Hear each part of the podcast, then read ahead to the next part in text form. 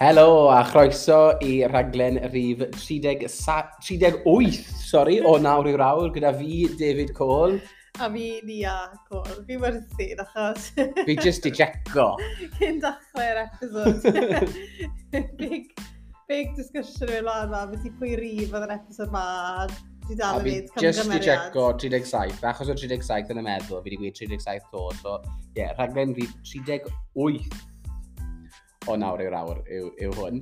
A heddi, ni'n mynd i trafod ras beth sy'n neud dros y penwthnos. Um, dipo mas o'n comfort zone i ryw raddau a nes i trail half marathon lan yn Port Albert a hoca trail half marathon. Full disclosure, cyn bod ni'n dechrau de, David, yw bod ti wedi cael y lle am ddim Ydw. gyda tyffrynnau Ond, so nhw wedi gofyn i ti wneud unrhyw posts ar social media, na podcast, na unrhyw review, na dwi fel la, just simply ges ti'r lle am dwi, ddim. Do, dwi wedi, build, dwi wedi adeiladu perthynas da gyda Tuff Runner dros y blynyddoedd. Dwi wedi gwneud lot o events nhw, yn enwedig y Wildflower um, yn, y bota yn Gerdydd Botanig. Dwi'n hoff iawn o'r, um, or event na a mae ma cwmni bach da gyda tyffryn yn wneud cysadlaethau a activities, events dros y wlad, dros Prydain i gyd. O dim, maen nhw'n uh, dim yn just yn Cymru, ydyn nhw? A mae cwpl o events mowr dyn nhw lenni, eto Wildflower sy'n adeiladu pob blwyddyn, a mae trai athlon dyn nhw'n o Wildflower yn y botan gerddi'r botanig hefyd lenni. So, beth sy'n ffodus i cael um, lle yn unrhyw un o events nhw, so penderfynnes i mynd lawr i gwneud yr uh, half marathon de, trail half marathon, um, di sadwn.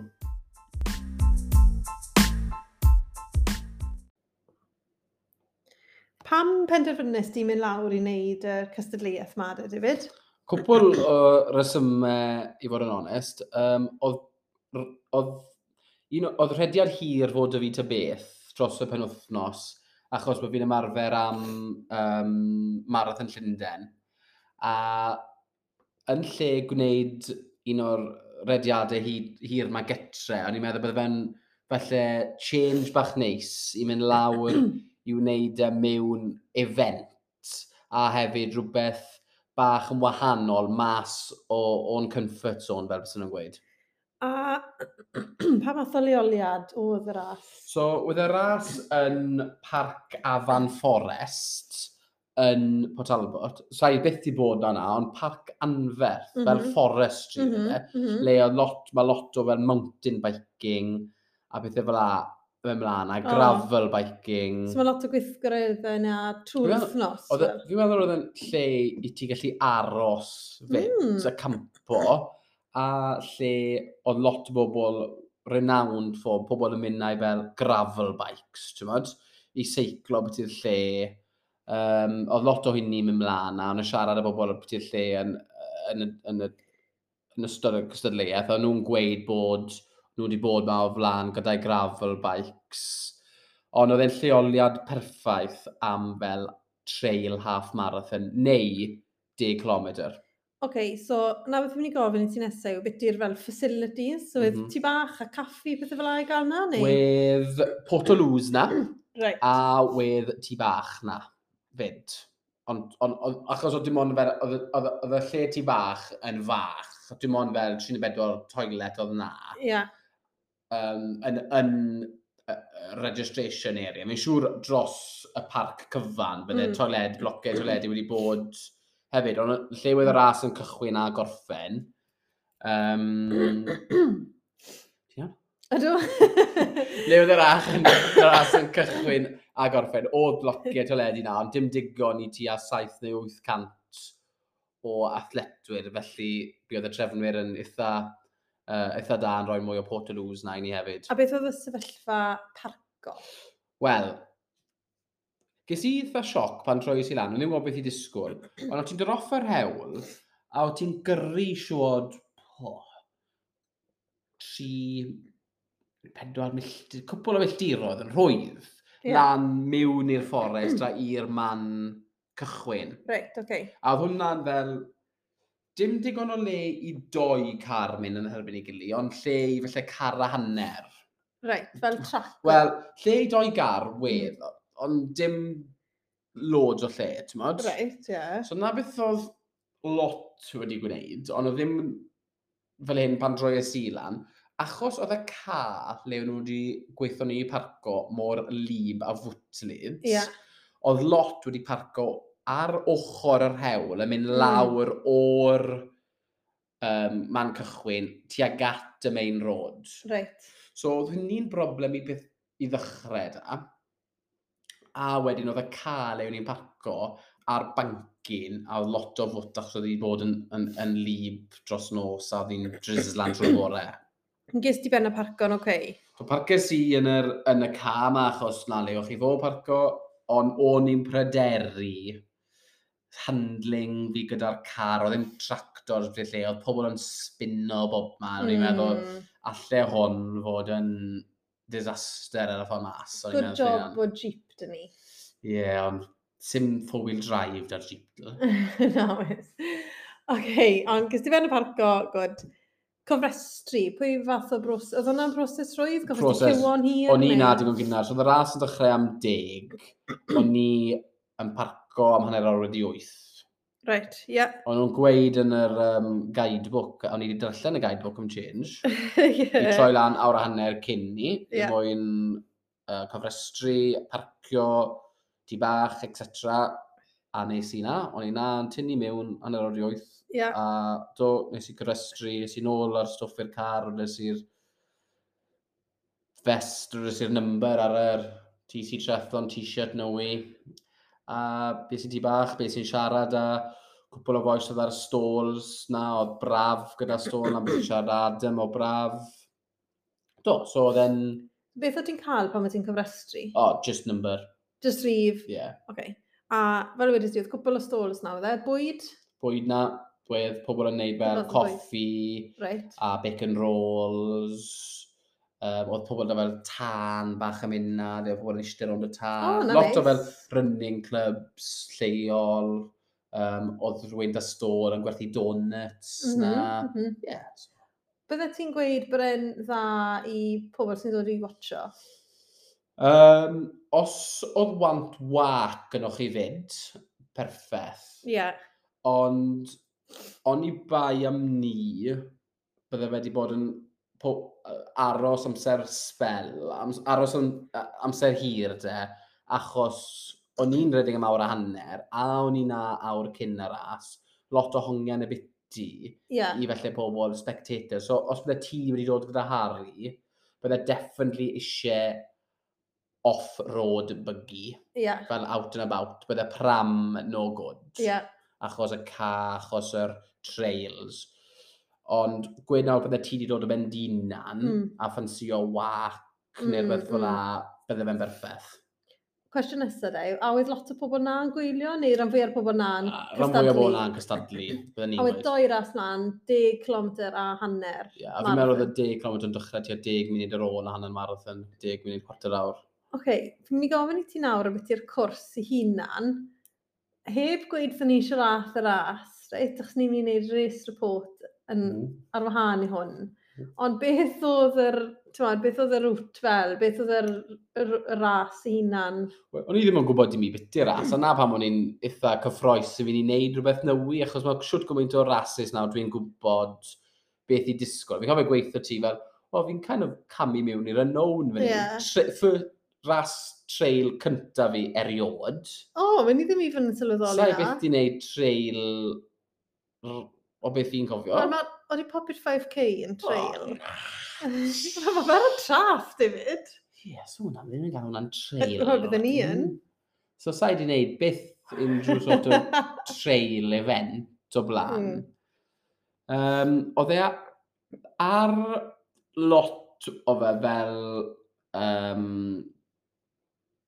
cerig, sort of, yn y haf, allai sydd do ben a gwisgo mm. trainers mm. redeg normal. Fe penderfynes i wisgo trail shoes, yeah. a hwnna oedd y penderfyniad gywir. Mm -hmm. Achos bydden ni wedi bod yn sleidro bob man yn par o running trainers. A wrth edrych rownd ar pobl arall yna, a rhan fwyaf nhw yn trail shoes. Reit. Achos fe hwnna'n rhywbeth o'ch chi'n Fe ti a Cathen yeah. yn siarad am ti cynni, a dda e pwy sgydiau i wisgo. O lot o redeg ar fel grafel, ond grafel drwch, oh, sa'n mwyn sy'n sbonio'n iawn. Ie, yeah, fel grafel mowr. Ie, yeah, grafel mowr. Cerig mowr. Cerig dim fel chippins. Ia, yeah, dim chippins, cerig mowr. A fe ddeiar fyna'n galer, ond oedd ambell i man le oedd mwt a bach yn slipri. A wedyn, oedd e yn mynd na ti off pist bach, rhedeg ar fel um, Por, porfa? Ie, yeah, porfa trwy'r goedwig le o ti jyst oh, fel ar fel trails, really. Ie, yeah, fel single track. Single well, track, yeah. le o ti'n mynd lan a lawr rownd llefydd. So trwy'r goedwig, basically. Oce, Okay, so, pwy fath o lan a lawr yn siarad y byty, de? Beth ti'n meddwl? Jyst yn gyffredinol? Ie. Yeah. Wel, 2000 o trydfeiddi o elevation, 2000 feet Dros 13 milltir. Dros 13 milltir, sy'n lot. O ddim lot o mannau gwastad le wedd i'n redeg yn le ti'n lle dwi'n rhythm. O ti'n naill am mynd lan, yeah. neu o ti'n dod lawr, neu o ti'n mynd okay. twistan, twistan a wifan. Twod, oedd y lan yn serth, neu oedd e just gradual, neu oedd, cymysgedd? Oedd milltir a hanner cyntaf, fydden ni'n gweud milltir i gyd lan rhyw yn serth. Serth? Serth, oh. wedd. Um, Na dechreuad, e? Ie, yeah, a wedyn, oedd hwnna'n cael y curiad i galon i fynd yn syth. Ie, ie, ie. A wedyn oedd... A siwr o fod yn, yn rhannu redwyr lan yn gloi fyd. Oedd e wedi. A wedyn, ar tua milltir 8, 8 a hanner, oedd un claim mowr dros milltir, a oedd e'n mlaen, a oedd e'n serth, a oedd e'n, ti'n oedd hwnna di... So, pam, Pwy fel brofiant bydd y so, tîm gweud? tebyg i mynd lan o'r flat rock. I'r cliff, e, wel, heib o'r cliff. I'r top yna. O oh, ie. Yeah. Reit i'r top. Hwna oedd fel y claim gynta.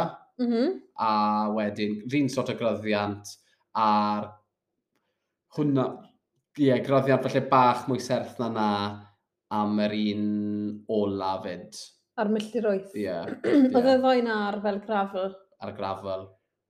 A so, beth y byty'r pan mae ti'n dod nôl lawr? To, ti'n redig ar mannau fel af yn dod lawr ar grafel. Mm. So, hmm. eisiau fod, yn... Fyna ddim ond redig lawr hwnna'n trainers normal, achos no. grafel. A wedyn, ti'n mynd trwy codwigodd felly fyd, le o ti ar grafel, a gallai ti cario ymlaen ar y grafel, ond oedd y ras yn mynd at ti fel trwy narrow hmm. lanes mm. um, ar y grafel. Ysgys bod ti fel yn blwston, neu pan ni'n mynd i gerdded. Ie, ie, fi'n mynd o'r ffotobath. Ie, ie. Oce. oedd unrhyw beth arall de? Oedd e'n bert? Oedd e'n... Oedd e'n bert achos oedd ti'n Milan yn rili really uchel, a oedd lot o fel wind turbines oh, ar y top. Na, na, a oedd ti'n edrych lawr ar y cwm fel, ti'n modd? Ie, ie. Oedd e'n, oedd e'n, do, oedd e'n glas da, doi water station. O, oh, ie. Yeah. Un, dim byd arall, dim ond dŵr. Reit, ie. Yeah. A'r tua milltir, ar top y claim, milltir naw hanner, a un tua milltir pedwar. Okay. So, mae cyn ni mynd i siarad beth i'r asteg, a mae ti siarad beth i dŵr, mm. beth oedd dy nutrition plan ti e, am y dydd na? Oce, Okay. so yn y bore godes i am... Fa'n yw'ch gades yma? Ti'n corter i saith, dy fe? Do. A ges i... Nes i brecwas i'n hunan fan hyn cyn mynd a bites fan y car o lan. So nes i porridge a doi fi o dost. Rodes i fe'n y car coffi fach a bites i hwnna, achos y hewlydd yn dywel ar ffolan. Ie. Yeah. a es i a banana a sorin bar bach da fi a es i a tri gel fi. So pryd fydys di'r banana? Achos o delayed start. Achos oh, yeah, so ni wedi gweud. Na, o delayed start, na mwyn cofio. Achos yr... Um, parco. Parco. A pobl yn cywo wedyn achos nhw'n cael stryglan i barco hanner awr o ddeud start, ond oedd ddim byd allan trefnyr wedi gwneud beth i na. Sai, yn ymarn ni, rai nhw dileu o'r start, neu bydd y pobl yn miso'r start. Mae'r bai o pobl yn troi lan yn hwyr oedd e. Ie, yeah, ond falle os bydde well man i parco, bydde pobl lle parco'n gloiar. Ie. Yeah. Fel a weddi, lot o bobl... Anyway, so beth ydy'r banana a'r sorin? Do, am ti hanner awr cyn ys dechrau'r ras wedyn, o'n i'n meddwl, o, gai o'n... So wyt ti'n gwybod bod e'n dileu? Wedon nhw am ti cwarter o'r cyn i fod dechrau bod hanner awr o'r delay wedi fod, a'i bod yn deg, hanner awr o'r delay wedde. Okay. Mae hwnna'n bwysig i fi, rwy'n sy'n brofiadol. Fi moyn gwybod prif fi'n dechrau, achos bydde wedi bod amser hir os byddwn i'n goffo aros nes hanner awr wedi deg. Fi'n plano ryfflu be fi'n bita. Yeah. A er mae'n prif fi'n dechrau, so dwi'n hoffi bita brecwas tua 2 awr a hanner cyn brecwas mowr, 2 awr a hanner cyn dechrau. So ni wedi bita'r porridge, a'r doi fi sy'n dost y mail am tua hanner awr wedi saith. Dwy o'r cymryd bod ochr. Erbyn tua hanner awr wedi deg, tri awr wedi bod, yn drach yn mynd, yn tasio bwyd naeth o, efe? yeah, so, so anyway. So, si banana, sor un, a gel, 5 minutes cyn dechrau. Caffeine gel. Ond with y banana sor un ddim 5 minutes cyn dechrau? banana a sor un am deg, hanner yeah. awr cyn dechrau. a... Gel. Gel, 5 minutes cyn dechrau. Pwy gel ysod dati? Precision Hydration, caffeine gel okay, a dylwn ni probably gweud bod ti'n ambassador yn ofyn, dylwn ni disclosure. Ie. Yeah. Okay, iawn. Gweithio ni dy race report i de, David. Siad dath y ras. Tyd, wyt ti'n gweud bod ti bach mas ar y comfort mm. zone, o ti still di roi dina ar reit ar ffrant? Do, i roes i ar y ffrant. Do, do. Do, roes i ar y ffrant. A ffaint o bobl oedd yn y ras, ti'n credu? 600, 700, Rhywbeth fel la, sa'i edrych. A oedd fel cwpl o pobl na yn edrych ar sbon yn gwybod. Yeah, lot o bobl fel rhedwyr oedd rhan fwyaf nhw, fe pobl oedd wedi dod o fel Gloucester, a o'n i siarad boi o Gloucester, un boi wedi dod, fi'n meddwl ardal Llundain oedd e yn y mix yn y diwedd. Sa'n siŵr pwy oedd y boi oedd wedi ennill. O, oh, um, dim di fydd ydw. Dim di nillodd, na. Ti sy'n drydydd. Ti sy'n drydydd. Sy'n... A... Oh, Do, oedd e'n um, ras nes i mwynhau. O fi'n meddwl oedd e'n perffaith i rhywun sy'n moyn treial, trail half marathon neu trail 10k am y tro cyntaf. Oedd e ddim rhy technegol. Achos oedd e ddim rhy technegol i wimp fel fi sy'n yeah. fel llo yn disgyn. Reit, so ti ar y start line. Ie. Yeah. A ddech chi'n mynd straight mewn i'r dringo yeah, well, falle ti a hanner milltir ar y fflat a wedyn dringo straight. So, siwt, twyd, siarad well, mi trwy ath... fi mae'n gwybod fel milltir wrth milltir. Ooh, okay. Ath 34 person off yn galed. Fel... Fes bod nhw'n mynd i 5k? Ie. Yeah. So, a training rhan dde i fi ar diwedd y dydd. O, ti ddim wedi tip o'r ar y byd fel Na, o'n i wedi redeg 45 milltir rhwng dydd llun a dy Gwener yn barod, a seiclo a nofio. O'n ni defnyddio hwn fel training run, ti'n modd. A eis i ddim off, oedd y coesau'n teimlo bach yn fel fatigued cyn dechrau ac yn mm. drwm gyda'r holl ymarfer sydd wedi bod. Ath y boes ma off fi'n meddwl pedwar neu bimp o'n nhw, yn really anodd. Pwy pes fe ti'n meddwl o'n nhw'n neud? Beth oedd pwy pes fe ti'n neud e? Sa'n siŵr, o'n ddim yn checo, o'n ddim yn checo pes, ond oedd e'n teimlo fel pes yeah. gyflym, oedd e'n sio 6 minute miling, efe. Ie, yeah, a maen nhw'n sio neu 5. A o'n i'n mynd lan rhyw, so o'n nhw'n sio, o'n nhw'n mynd off yn galed, a dechreuon nhw fel, dim mynd off straight away, ond fel agor lan gap a yeah. oedd y gap yn mynd yn fwy o fwy. A... Ond nhw'n ras o'i gili fyd. Wen a setles i mewn i pumed y safle. So oedd pedwar yn mynd lan, o flan ti, a ti oedd yn pumed. Ie. Yeah. Oedd pobl o gwmpas ti de? Oedd gap to wedyn, so oedd yn... So ti ben di Fel wedys ti, oedd i ben unan wed. Oedd un boi tu ôl fi ar ôl, ni cyrraedd top y rhyw, wylltir doi fel a, a oedd e'n barod tua canllath tu ôl fi, a oedd y boi o flan fi, tua canllath o flan fi. So chi gyd wedi setlo ar ôl y climb gyda? Fel oedd o'n eithaf gweld, o'n i, achos oedd fel part hir, oedd ti'n gallu gweld mas. A o ti'n lle gweld bod fel doi yn rhedeg dy gilydd, boi'n mm. trydydd ben, ben unan, boi'n pedwar ben unan, o'n i'n ben unan. Mm. So chi ddo spread yeah. out. Yeah. Right, so ti'n mynd lan y climb ma. Yeah. Beth sy'n digwydd wedyn? O, jyst aros flyn, o'n i di aros yn y Ie, man beth- ma. Beth oedd y rwt fel? O ti'n mynd nôl lawr neu oedd e'n Wel, flat? wel, oedd e lan y lawr trwy'r ffordd, oedd e, nis. Oedd e, ti'n modd, o ti'n mynd lan am doi milltir, a wedyn ti'n dod lawr, disgyn, a sa'n Ie. gofio pob lan, a- ti'n modd, lan a lawr, ond o- o ti'n mynd lan, neu o ti'n dod lawr, oedd e'n lot o mannau gwastad, lot o fel troion, um, setler sy'n mynd i pumed, ond i ddim, on, ar ôl mynd lan, obviously mae'n rhaid i dod lawr wedyn. a, o'n i ddim yn disgyn yn gyflym o gwbl. Ti'n fawr, sa'n dis... Sim, sim cam mowr ydw fi ta beth.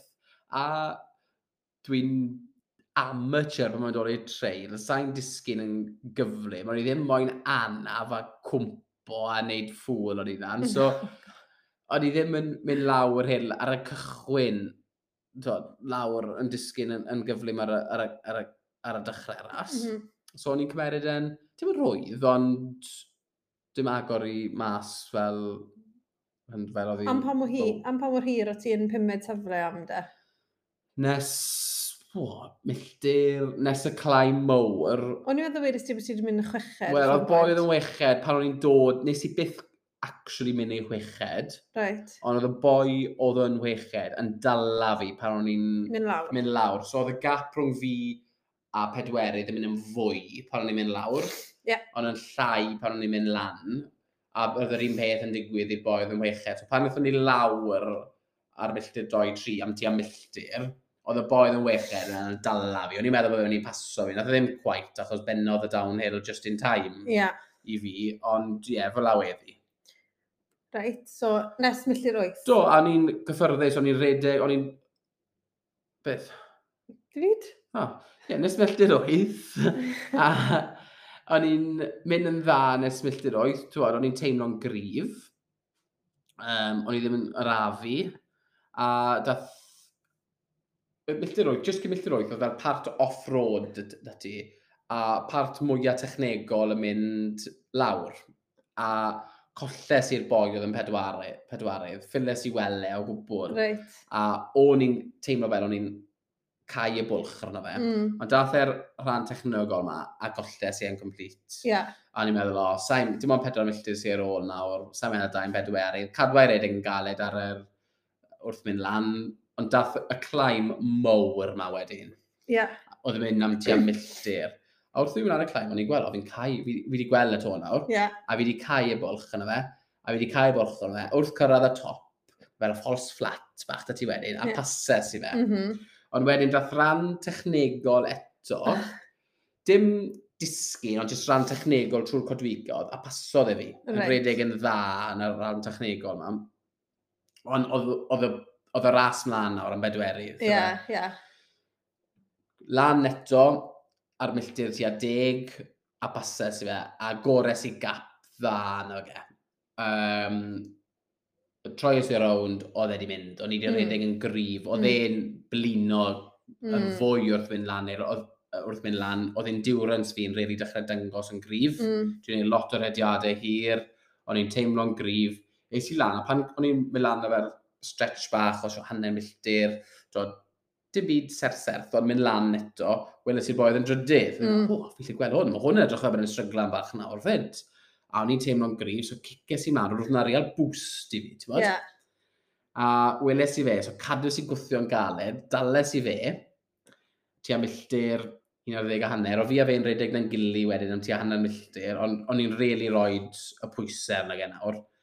A torres i fe wedyn, gyda tu am milltir i fe, oedd y milltir diwetha yr un milltir a'r milltir cynta, so mynd lawr, a ie, yeah, o'n i'n redeg tu am 5.15, 5.20 dros y milltir, milltir hanner drwytha, a meiddes i fe 40, 45 eiliad yn diwedd, fi'n meddwl.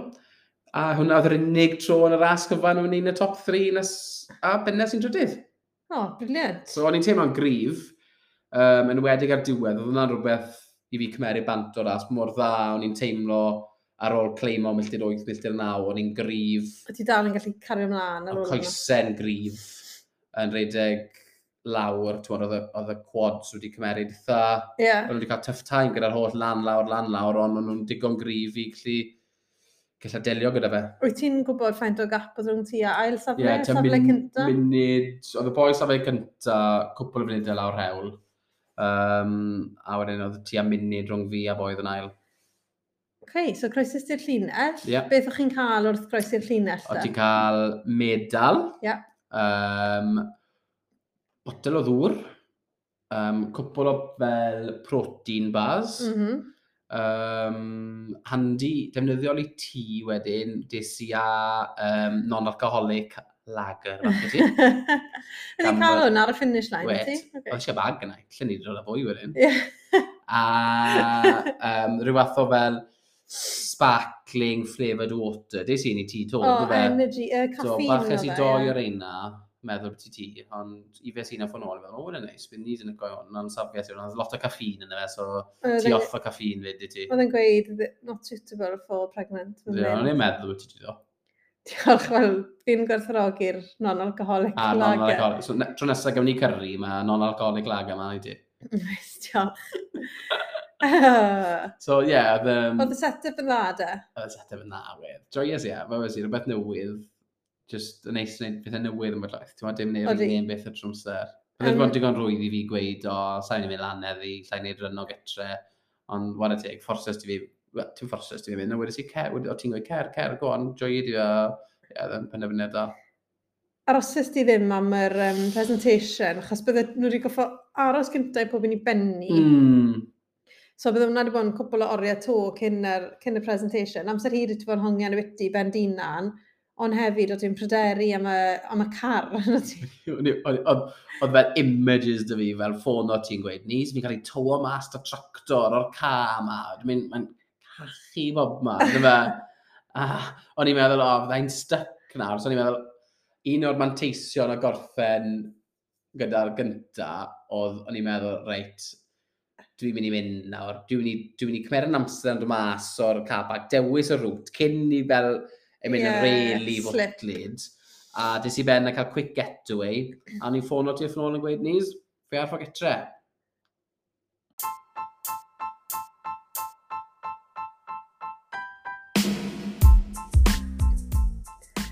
Llongfyrchiadau i ti David ar dy drydydd safle yn yr Hoca Hanner Marathon Trail. Beth oedd dy amser di yn y diwedd? So, mae da fi'r ystadegau fan hyn o'n, on flaen ni. 1 awr 24 munud a 57 eiliad. Y pellter dy fi lawr fan hyn fel 13.22 milltir. Um, 1,900 a 3 o trodfeiddi o ddringo a y pes dy fi ar 6.25 munud pob milltir. A fi lli gweld y map fyna, mae fe yn eitha troellog, yn oeddi e, dim yn unig lan y lawr, ond lot o troion, lot o dead turns, 90% troion, ie, yeah, bydde ti ddim yn gallu ail fel cofio rŵt na. Na, dim yn rwydd, o'n i'n on, on, on fel, os byddwn ni wedi bod ar goll yna, oedden ni really wedi bod ar goll. Ie, ie. A curiad y calon 1.55 cyfartaledd sy'n uchel i fi. Mae hwnna'n zon 4. Mm, diddorol, achos y gymaint o elevation, yeah, siwr o fod. Yeah. So, do, rhywbeth nes i mwynhau. A bydde fe'n rhywbeth bydde ti teenis yn edrych ar fel, to pan ti nôl yn redeg yn y dyfod, rhywbeth sy'n fel, mae'n ei ffansi ti. Fi'n credu falle bydde fe, ti'n modd, falle pam ddim gweud 2024 bod fi'n mynd i trial yn eli at y 10 km, mm. A wedyn 2025 byddai na am yr hanner marathon. Ie, yeah, achos, achos o ti gallu neud, weles i neb bod neud e gyda fel bygis, a mae byddai ti gallu neud e gyda running bygi. Na. Achos o fel oedd yr gil uh, yn, ma yn, yn manne, ond oedd e fel yn oedd canu cross-class na fyd. O'n i'n gweld na, oedd gallu redig dod y gi os oes moyn. Wait, Bydde hwnna'n handi ar yr epil. Wait, bydde fe yn, bydde. Ti'n gael good training i'r Charlie, felly bydde fe fel yn good... Uh, assistant bach i ti fyna. Ie, falle. Ond ie, yeah, rhywbeth i ti falle yn eli at yn y... Yn y dyfodol. Yn y dyfodol. Bydde ti'n argymell y ras ma? Bydde ni yn, bydde ni yn. Fi'n gwybod fi wedi cael y man am, am ddim, ond os ych chi'n edrych ar rhywbeth wahanol, os ych chi'n redwr neu treathletwr a ffansio change, ti'n modd, mae fe'n ras neis i wneud, mae'r atmosffer yn, yn friendly. Ie, yeah. gyfeillgar. Gyfeillgar iawn, diolch a bydde fe'n rhywbeth, ti'n bore di sadwn, cwpl o oriau, o'n i getre ma fe'n amser teidi fyd. Ia. Ras lleol-ish. Ras lleol a ras bach newydd i ni gallu siarad a falle argymell i bobl mynd i wneud.